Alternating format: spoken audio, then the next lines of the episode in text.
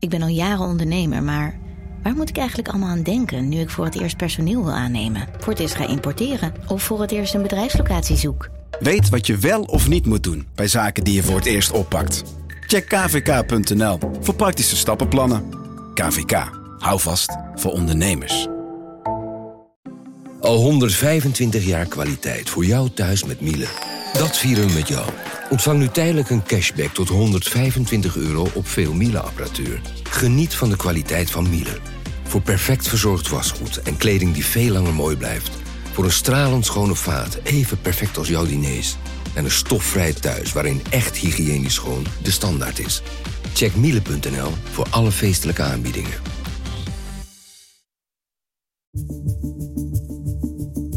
Vanaf de redactie van NRC het verhaal van vandaag. Mijn naam is Thomas Rup.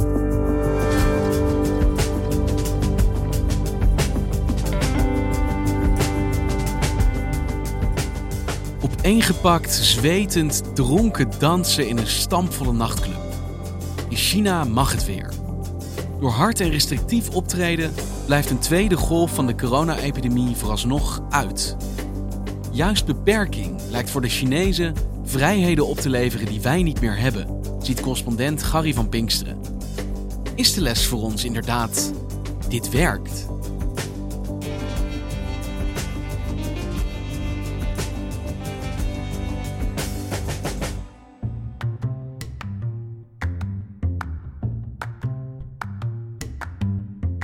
Hey Gary, jij bent, begrijp ik, afgelopen week in een club geweest. Ja, dat is ook een plek waar ik zelf in mijn leven nog niet zo heel vaak uh, kom. Maar het was dus een echte, inderdaad, een club ergens in een plaats waar, in China waar ik zelf nog nooit van had gehoord. Die plaats heet Sangrao. En die is een beetje in het, uh, ja, een beetje in het midden van China. Uh, en daar was ik omdat daar een Nederlandse DJ optrad, Chris Oberman. En hij heeft eigenlijk heel erg veel werk gekregen, omdat heel veel andere DJ's, buitenlandse DJ's, niet naar China konden komen. Want China zit op het moment eigenlijk nog zo goed als op slot voor buitenlanders. Chris kan wel hier in China werken, omdat hij uh, een verblijfsvergunning heeft, want zijn vrouw werkt hier. Dus daardoor kan hij het land binnen en daardoor kan hij hier ook werken. We zijn samen met de trein daar naartoe gegaan. We zijn in uh, Peking, uh, op het zuidelijke station van Peking, zijn we ingestapt. Die trein die zat gewoon helemaal vol. Het was niet zo dat er maar een halve bezetting was of 75 procent. Ze verkopen alle kaartjes die er voor die trein te verkopen zijn. Dat was een reis met de hoge snelheidstrein. Die gaat dan 300 km per uur. We gaan zeven uur in deze trein zitten om ergens te komen. Een beetje in de middle of nowhere in China. Wat ga je er doen? Uh, ja, daar ga ik uh, optreden. Uh, draaien in, in een grote club. En ja, hopelijk staat het vol met mensen. En hij verwachtte ook dat hij wel in staat zou zijn om dat hele publiek ook flink op te zwepen. Roep je dan ook iets in Chinees? Nou, ik heb een, een, paar zinnetjes heb ik al voorbereid. Maar eentje is een hele simpele. Dat is uh, I, R, San, Se. Dat, betekent 1, 2, 3, 4. En dat, uh, en dat werkt. Dat, uh, dus dat is goed. toen we daar aankwamen uit de trein, stonden ze meteen op ons te wachten. Ze, ze haalden ons af. En wij moesten dan nog wel onze zogeheten gezondheidsapp laten zien.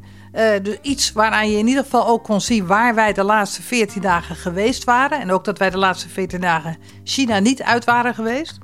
En toen konden wij stappen in een hele prachtige uh, Mercedes. Een glimmende zwarte Mercedes. Een limousine eigenlijk. Die ons uh, vanaf het station bracht naar die club.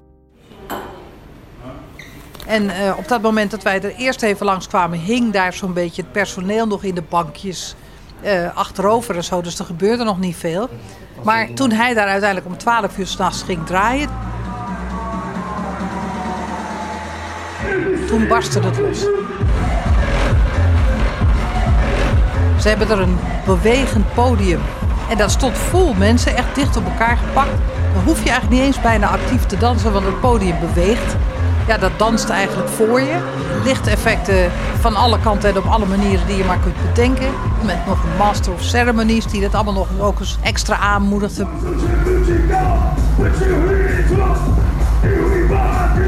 Er waren ook verrassend veel wat oudere mensen, 40, 50, die bij ons misschien niet zo snel in een club verwacht. Een gemengd publiek eigenlijk, maar wel ook een publiek wat ja, ontzettend losgaat en wat ook ontzettend veel drinkt.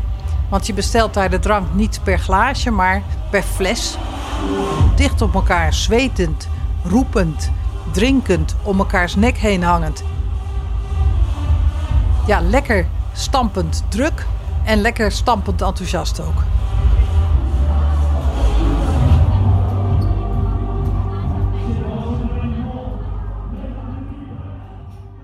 Want dit is tegenwoordig normale gang van zaken alweer in China. Nou, het is inderdaad weer de normale gang van zaken geworden, zeker sinds juli zo'n beetje. Ja, want je denkt honderden mensen bij elkaar op een plek zonder ramen, dronken, zwetend, springend. Dat is het allerlaatste letterlijk wat je wil tijdens een pandemie. Ja, en het geeft misschien ook een beetje aan dat in ieder geval het signaal is gegeven in China van dat de pandemie voorbij is. Dat die er niet meer is. Dus dat dit weer mag en dat dit ook dit weer kan. Je zou kunnen zeggen dat China nu een soort beloning kan incasseren voor de strenge maatregelen die er in China in de voorafgaande periode zeker zijn geweest. Ze hebben daar echt het licht aan het einde van de tunnel bereikt. Er zijn er geloof ik in het hele land onder de 300 actieve gevallen, dus mensen die besmettelijk zijn. Daar komen er dagelijks telkens nog wel een handjevol bij, hè, dus een stuk of eh, 10 of 20. Maar dat zijn over het algemeen dan mensen die van buiten China terugkomen naar China, ook veel Chinezen. En die brengen het dan weer mee terug. Maar toch, over het algemeen is er echt gewoon, eh, dat wij weten in ieder geval, is er nauwelijks corona meer. Want hoe hebben ze dat dan voor elkaar gekregen in China? Hoe kan het dat je daar in een stampvolle trein kan reizen naar een stampvolle club alsof er nou ja, niets aan de hand is? Ja, het, ik denk dat. Kijk, Rutte heeft het de laatste tijd over een hamer die hij wil hanteren om de ziekte neer te slaan. De hamer waarmee we het virus moeten platslaan, moet groot genoeg zijn om dat nu ook echt te bereiken. Ik denk dat ze in China al heel vroeg een veel zwaardere hamer hebben ge- gehanteerd dan wat wij nu bijvoorbeeld ook op dit moment in Nederland hanteren. En dat is dus vooral geweest door een lockdown in Wuhan en in de provincie waar het was, waardoor de ziekte sowieso al niet heel erg veel eh, buiten die provincie is gekomen, wel een beetje, maar niet zo erg. En door ook daarna, vooral als er een geval was, mensen onmiddellijk eh, in quarantaine te plaatsen, ook dat streng te controleren, was echt ook niet de manier waarop je kon zeggen: Nou, daar heb ik geen zin in, daar doe ik niet aan mee.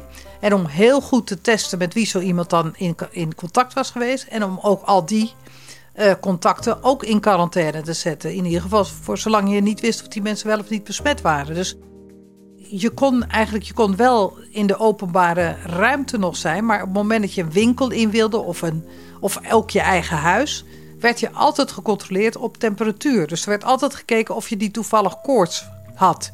En dan kon je dus ook als je koorts had, kon je je eigen huis dus ook eigenlijk niet meer in. Hè? Dus er is, ja, er is een heel net van controle over die maatschappij gegooid. En, uh, en daardoor is het toch gelukt om te zorgen ja, dat die ziekte zich niet, niet erg kon verspreiden meer. En dat is gelukt en dan hebben ze dus nu ook die hamer gewoon kunnen opbergen. Nou, die hamer is, ligt nog steeds altijd achter de hand. Hè. Kijk, uh, onlangs nog was er in een havenstad in Qingdao... waren er twee mensen besmet. Uh, die hebben weer anderen besmet. Dus er was een besmettingshaard van een man of 12, 13 in een ziekenhuis. Nou, wat er daarna gebeurde is dat dus die hele stad van ruim 10 miljoen mensen... dat al die mensen in die stad binnen vijf dagen ook allemaal getest zijn... of zij niet ook corona hadden. Het klinkt vrijwel onmogelijk, 9 miljoen mensen testen in vijf dagen. Maar de Chinese autoriteiten gebruiken deze strategie wanneer er een nieuw coronacluster opduikt. Duizenden testcentra worden geopend met duizenden medewerkers. En ook worden testteams naar mensen thuis gestuurd. Getest worden duurt in totaal 20 minuten.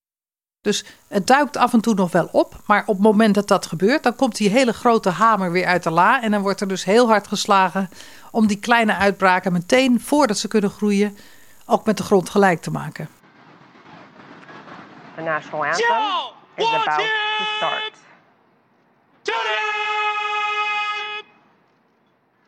Maar wat dus echt de grote test is, is niet zozeer misschien al die individuele testen van die mensen, hoe indrukwekkend dat ook klinkt. Maar dat is als je mensen weer massaal aan het reizen laat gaan. Dat is gebeurd tijdens de oktobervakantie. This holiday is always celebrated on October 1st. It marks the formation of People's Republic of China. 1 oktober is de dag dat de Volksrepubliek is, is uitgeroepen. Uh, daar is altijd vakantie bij. Coincides with the Mid-Autumn Festival. And people will be observing an eight-day public and national holiday. Very Viel dit jaar ook nog samen met een traditionele mid-herfstvakantie. En toen zijn er 600 miljoen mensen zo'n beetje weer aan het reizen geslagen. Dat is bijna de helft van de, van de bevolking. En het is nu uh, zo'n zo'n tien dagen na die vakantie. En we hebben dus tot nu toe nog niet gehoord van uitbraken die er uh, daarna zijn geweest door die vakantie.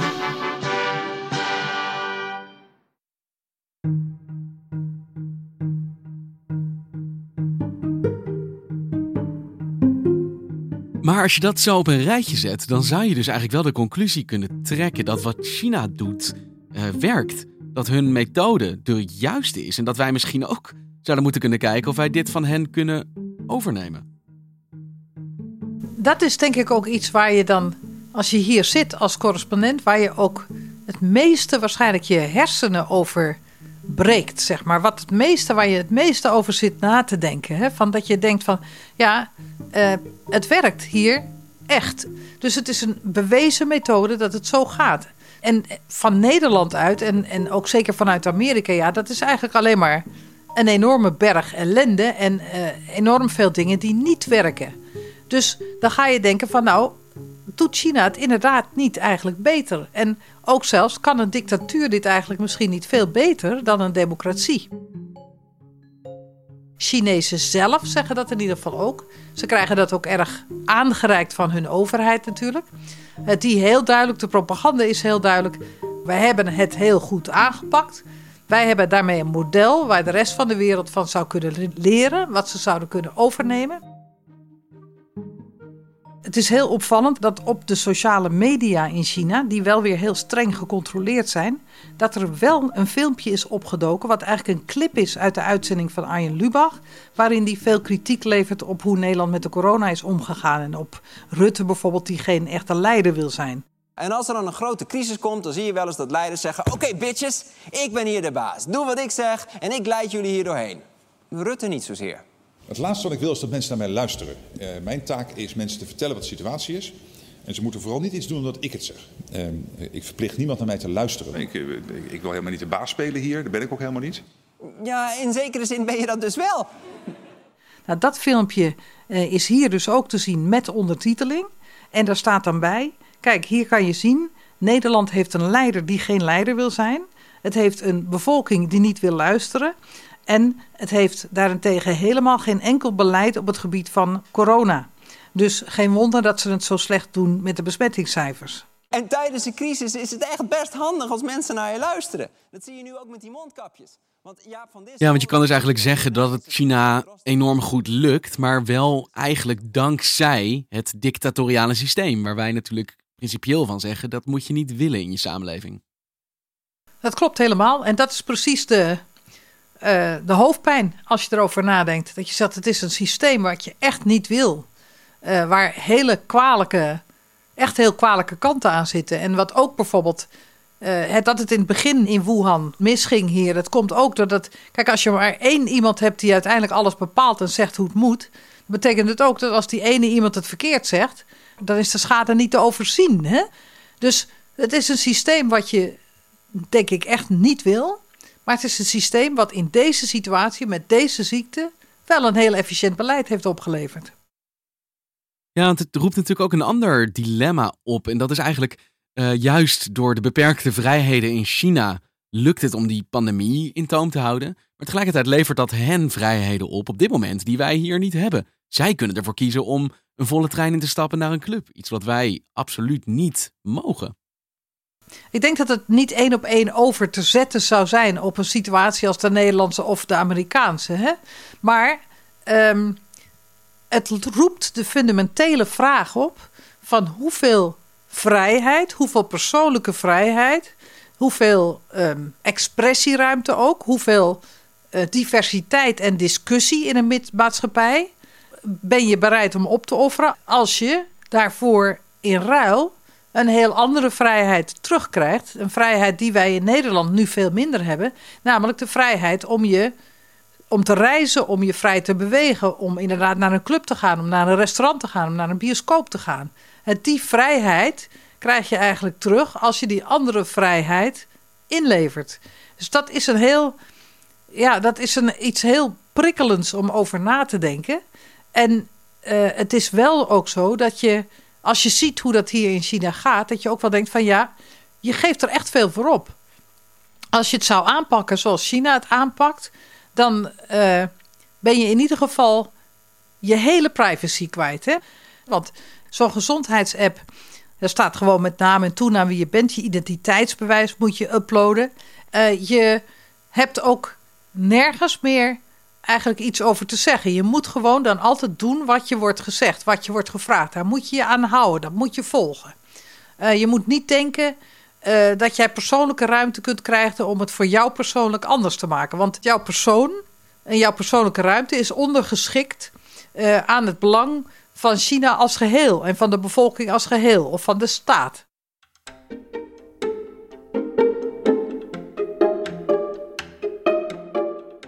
Is wel een heel erg onbevredigende conclusie om te moeten trekken dat eigenlijk het efficiënt bestrijden van deze ziekte het beste gaat in een systeem waarvan je principieel zegt dat is niet hoe wij onze maatschappij voor ons zien. Kan je het een dan niet hebben zonder het ander? Uh, misschien, je zou misschien ook kunnen zeggen dat je wat je niet van China zou moeten leren of overnemen, het, het dictatoriale systeem is. Maar wat je misschien wel van China zou kunnen overnemen, wat eigenlijk ook iets is wat we zouden moeten kunnen, want we zijn hele rijke landen, welvarende landen, is iets heel simpels. Namelijk zeggen: oké, quarantaine moet. Het opsporen van contacten van mensen die ziek zijn moet. Die moet je in isolatie houden. Misschien moet je soms ook steden of delen van steden in isolatie van houden. En dat moet je echt heel streng doen. Testen moet je heel sterk doen. Eigenlijk wat de Wereldgezondheidsorganisatie zegt. Hè? Opsporen, testen, vastzetten, zorgen dat het zich niet kan verspreiden. Maar dat is eigenlijk een vrij simpel principe. Waar je geen dictatuur voor nodig hebt, maar waar je wel effectief zo'n ziekte mee zou kunnen bestrijden.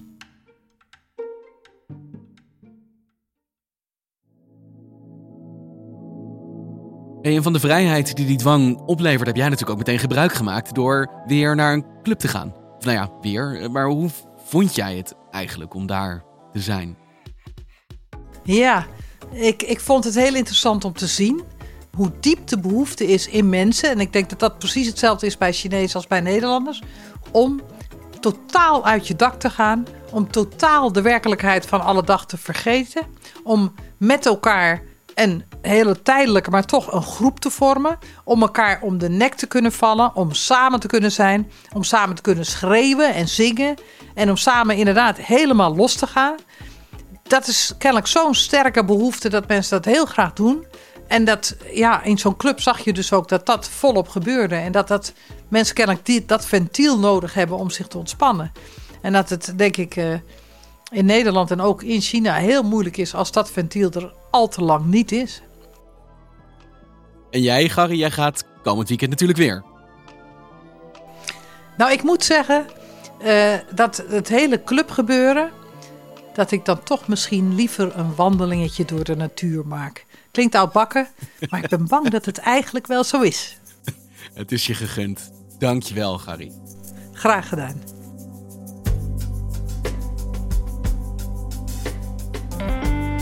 Je luisterde naar vandaag, een podcast van NRC. Eén verhaal, elke dag. Deze aflevering werd gemaakt door Ido Havinga en Astrid Cornelissen. Chef van de audioredactie is Anne Moraal. Dit was vandaag. Morgen weer.